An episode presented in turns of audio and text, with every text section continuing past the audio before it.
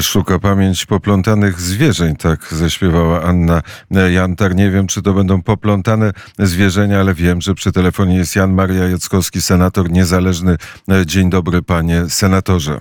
Dzień dobry panie redaktorze, dzień dobry państwu, nie tylko niezależny, ale niezrzeszony, to znaczy nie przynależę do żadnego koła ani klubu parlamentarnego, co należy podkreślić, bo to jest mój oficjalny status w parlamencie. Mm, ja poszukam tych poplątanych zwierzeń i przypomnę e, słuchaczom, bo pan o tym doskonale pamięta, że napisał pan książkę e, Bitwa o e, Polskę. Ta bitwa o Polskę trwa, a może jest jeszcze bardziej intensywna niż w czasach, w których pisał pan książkę. To był początek lat 90.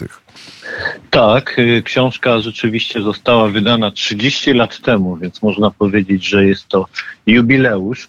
Książka wywołała duży rezonans wówczas, była szeroko omawiana, przez jednych była krytykowana, środowiska lewicowo-liberalne i to bardzo. Byłem odsądzany od czci i wiary. Przez innych była chwalona, no a przede wszystkim to, co dla mnie było największym wyróżnieniem, o tej książce publicznie mówił święty Jan Paweł II w jednej ze swoich wypowiedzi. Y, także to jako dla autora młodego wówczas no było to dla mnie niezwykłe wyróżnienie.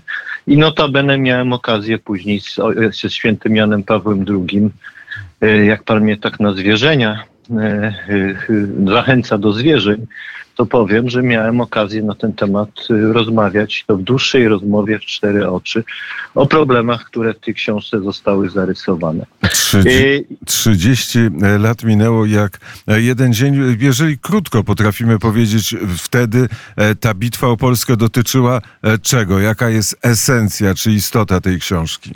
No to była wtedy, jak pamiętamy, była taka wczesna faza antyklerykalizmu w Polsce. E, po pielgrzymce świętego Jana Pawła II w 1991 roku, gdzie przypominał dekalog i pojawiały się takie komentarze, po co on tu przyjeżdża, mamy przecież teraz wolność, nie potrzebujemy tych nauk. E, a święty Jan Paweł II e, po prostu przypominał, że źle użyta wolność czy źle interpretowana wolność może być źródłem innego rodzaju zniewolenia, ale jednak zniewolenia, Y, I jest to zjawisko, na które trzeba bardzo uważać. I o tym była, y, były te jego główne homilie odnoszące się do dziesięciu przykazań. Y, I, I ta moja książka w zasadzie dotyczyła starcia właśnie takiej lewicowo-liberalnej wizji świata z chrześcijaństwem, a więc z kulturą, z cywilizacją opartą na fundamencie Y, chrześcijaństwa, na czym zbudowana jest i Polska, ale i również Europa, jak wiadomo.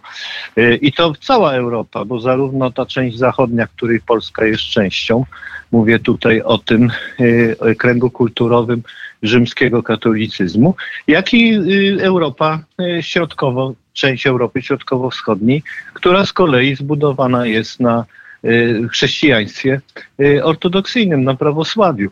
Y, I przecież y, o tych dwóch płucach również Europy pięknie pisał święty Jan Paweł II. A więc ta książka dotyczyła tego y, przede wszystkim, jak to się przejawia w edukacji, w życiu politycznym, w życiu gospodarczym, spojrzeniu na człowieka. I tego dotyczyła ta książka i również miała taką swoją część polityczną, w której odnosiłem się do wydarzeń no z pierwszych czterech lat y, tych zmian, które nastąpiły po 1989 roku. Mm, A więc czasów OKP, y, rządu Tadeusza y, Mazowieckiego, później rządu Bieleckiego, później z kolei do pierwszych wolnych prawdziwie wyborów, które do, do Sejmu, które, bo do Senatu były w 89, ale do Sejmu nie. Y, w 1991 roku do rządu Jana Olszewskiego, do roli Lecha Wałęsy. A więc w tych wszystkich sporach, które wówczas się działy, też ta książka się odnosiła. No i to też wywołało bardzo żywy rezonans, bo jak wiemy, wtedy podziały y, w środowiskach solidarności, dawnych środowiskach solidarnościowych, te podziały polityczne były bardzo silne. I no i ta tych- książka rzeczywiście wywoływała ten y, ogromny I rezonans. do tych e, podziałów w środowiskach Solidarności możemy teraz e, nawiązać. 30 lat e, upłynęło od napisania e, tej książki. Ta bitwa właściwie e, ma kolejne rozdziały i, i trwa. Powiedział pan o jednej wizji, chrześcijańskiej wizji świata, liberalno-socjalistycznej, czy jak ją nazwać, nowo, czy postmodernistycznej wizji e, świata w, w tej bitwie 30-letniej, która ze stron wygrywa. Y, No, tu mamy do czynienia y, z pewnym nieustannym y, sporem, który się toczy. On się przejawia właściwie przy wszelkich obszarach naszego życia publicznego, ponieważ to nie jest tak, jak powiedzmy progresiści uważają, czy słusznie pan zauważył, postmoderniści, którzy proponują taką utopijną wizję świata, że uda się skonstruować człowieka, który będzie miał równy dystans do wszelkich tożsamości. I sam nie będzie miał żadnej tożsamości, tak, a więc do e, tożsamości religijnej, kulturowej, narodowej, społecznej. E, Takiego, e, ta, takie jest założenie no, postmodernizmu. Stąd jest ten dekonstrukcjonizm, czyli e, rozmontowywanie wszelkich tradycyjnych instytucji, tak? a do takich instytucji należy szkoła, czy przemodelowanie tej szkoły właśnie zgodnie z tymi założeniami ideologicznymi, rodzina, nowe koncepcje rodziny, odejście od takiego sprawdzonego od no, setek pokoleń modelu rodziny. E, e, no też e, próby reformy Kościoła, wskazywanie jaki ten Kościół powinien być. Mówię o Kościele katolickim przede wszystkim. E, I tak dalej, i tak dalej. I to jest, e, to jest e, sytuacja, która nieustannie trwa. I, I trudno w tej chwili powiedzieć, y, że takim powiedziałbym sportowym językiem, że jest 0-1, 2-0, czy tam kto wygrywa, kto przegrywa.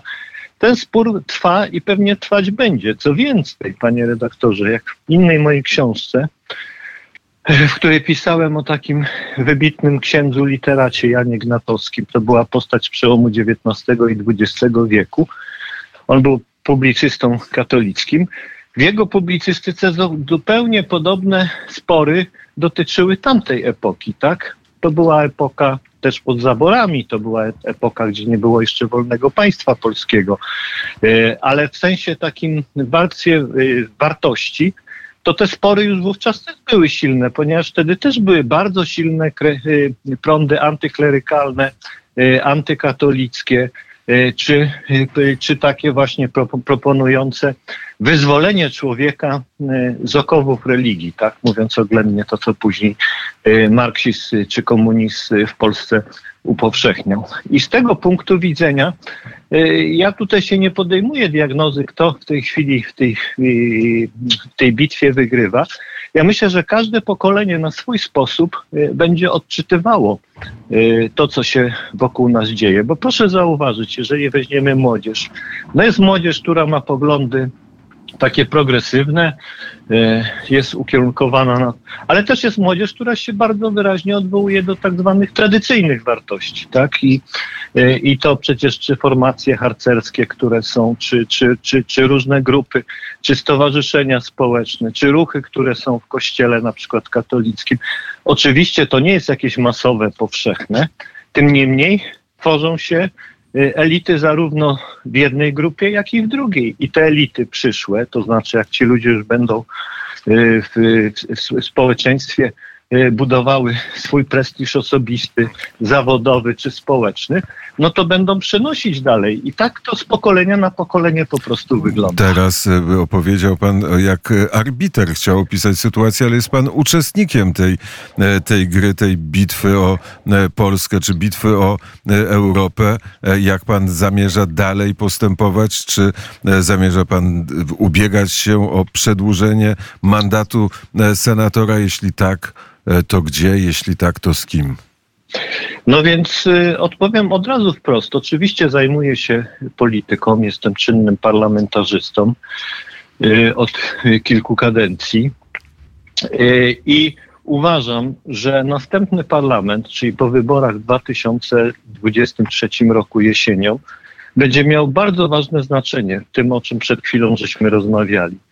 I im więcej będzie ludzi, którzy będą e, w tym parlamencie, którzy będą mm, e, odwoływali się jednak do zbudowanej na fundamencie chrześcijaństwa tradycji kultury polskiej, e, tym, tym będzie lepiej dla przyszłości Polski. Tak uważam jestem o tym przekonany. I stąd mam zamiar oczywiście uczestniczyć w tych wyborach, tak jak zapowiadałem już półtora roku temu, będę startował z własnego komitetu wyborczego do Senatu. Ordynacja do Senatu stwarza taką możliwość.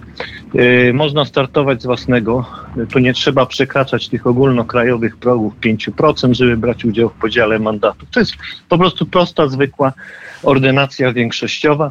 Mandat zdobywa ta osoba, ten kandydat, który najwięcej głosów w danym okręgu uzyskał. I nie ma też progu 50%, czy musi być 50 plus 1, tak jak w wyborach samorządowych na wójta, burmistrza czy prezydenta. I będę z tego własnego komitetu startował. Natomiast czy inne komitety, czy struktury polityczne wystawią kandydatów w tym okręgu, no to to już jest trochę pytanie nie do mnie, bo po prostu tego nie wiem. Przypuszczam, że tak, bo y, życie uczy, że raczej tak będzie, także na pewno będzie to y, kampania Y, taka, powiedziałbym, no, z, z kilkoma kandydatami w moim okręgu. Ja jestem senatorem z subregionu Ciechanowskiego, to jest północne Mazowsze i tam od trzech kadencji jestem senatorem. Co zdecyduje w tych wyborach o zwycięstwie którejś ze stron?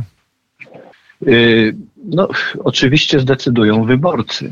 Ale co? Myślę, że... Jaki fakt? Już nie do arbitra i do opisującego e, świat, tylko do polityka pytanie skierowane. Co to? Znaczy, ja, ja, panie redaktorze, powiem tak. Wydaje się, wszystko na to wskazuje.